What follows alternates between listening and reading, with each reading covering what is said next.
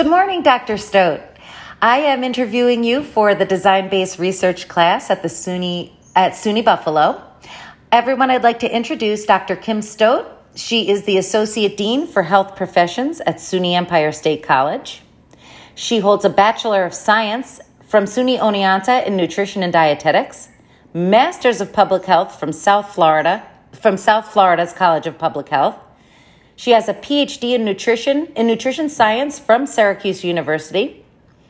She served as a postdoctoral fellow at the U.S. Department of Agriculture, Agricultural Research Center for the USDA in the Food Components Health Laboratory at the Beltsville Human Nutrition Research Center.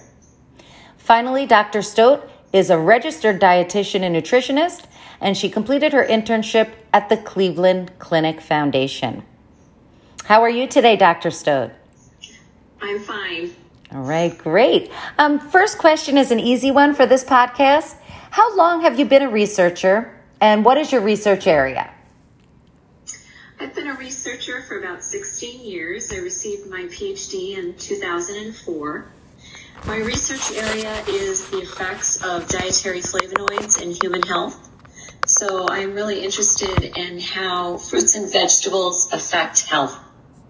Ooh, very interesting. I remember a few of your last studies involving blueberries, chocolate, and maybe tea. So things people really do love. Can't go wrong. in terms of research, I know you're an active researcher in your field. When you're designing a study or analyzing the credibility of a study, what do you think the most important criteria are for researchers to take into consideration for the design? That's a great question. I think the first thing is to really, when you're looking at uh, publication or the research in general, is that you want to determine if the research was peer reviewed. So that's the first thing. That really ta- speaks to us about uh, quality study. The second thing is that can the research studies uh, quality be evaluated with the information that has been provided?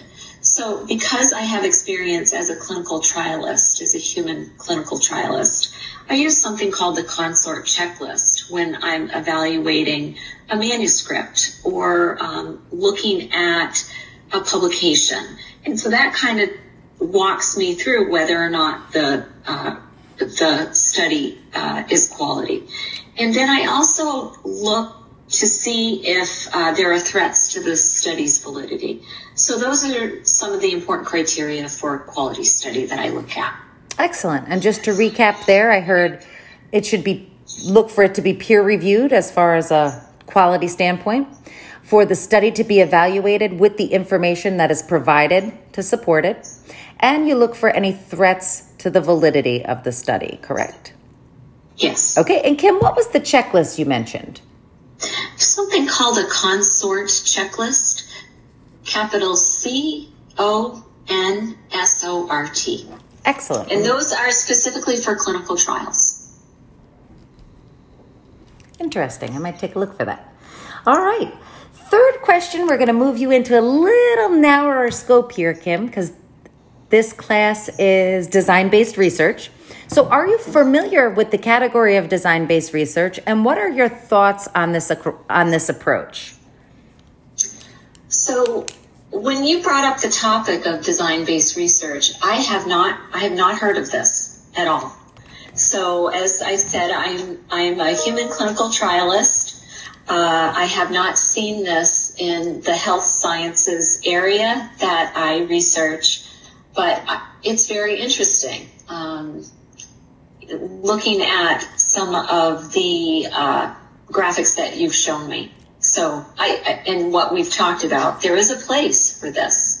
Great. And in the healthcare, so in mostly clinical or in health based research, have you come across any studies in the past using what I'm going to just use the acronym DBR?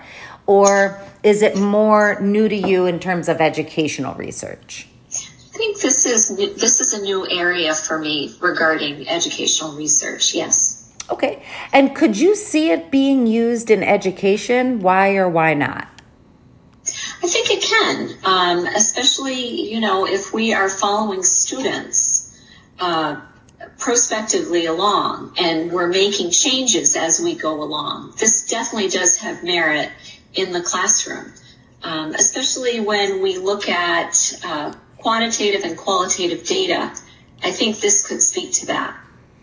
And do you feel there's a place for it in healthcare research, or do you see it being more specific to education? I think it could be more specific to education, but certainly um, an interdisciplinary team of researchers, especially people experienced in design based research, could work with somebody like myself to figure out how to incorporate that into the classroom setting. Mm, great answer. What other, as an educator, so separate from the healthcare concept or healthcare research that you do, what other topics would you like to see researched or defined when it comes to education? And I know that's broad, and we teach more in an online setting. So, are there any areas for improvement or things that you'd like to see explored a little more specifically? On the field of education, I think it's very broad, especially in health research education, right? I mean, we, we are gathering quantitative data, qualitative data, and working in interdisciplinary teams for improvement of our courses in education. Because we are, myself, I'm working across all health professions. So even though I study the effects of flavonoids in human health, fruits and vegetables in human health, I work with others in the field, such as nursing. Um, we work with uh, those in endocrinology, uh, gastroenterology. So we we have a very interdisciplinary way of doing research, and that speaks to what we teach, especially in in health sciences, health research methods. Does that make sense? Absolutely. And the approach, not that flexibility, but some opportunity to make some tweaks or changes as you're researching those fields kind of qualify it for this type of study. So it definitely makes sense. It puts you in the ballpark for a design based consideration. Yeah. Um, finally, last question I have for you. What advice do you give to beginning researchers? What do you wish you start you knew? What do you wish that you knew at the start of your PhD journey? Okay, so I think the most important thing, and I was very lucky in this respect, is that I had a great dissertation supervisor. I had a great mentor um, during my PhD experience at Syracuse University. I, I, I was just so thankful and so lucky to um, have Dr. Kurlansky as my mentor. She was terrific. Um, so I would say if you can choose somebody who's a great mentor, somebody who's reliable, who's reassuring, who will give you good feedback. Great. Another thing is that stay the course with the dissertation. Just stay the course and get it done. Finish it. There may be a time during the dissertation process where you may be stumbling along and you have self doubt, but just stay the course and get it done. And when you're approaching your research, keep it simple. Know what you're going to do know what your question is, know what the methods are, and just get it done. Go forward and finish. So that's my advice to someone, uh, you know, starting that dissertation journey. All right. So keep it simple.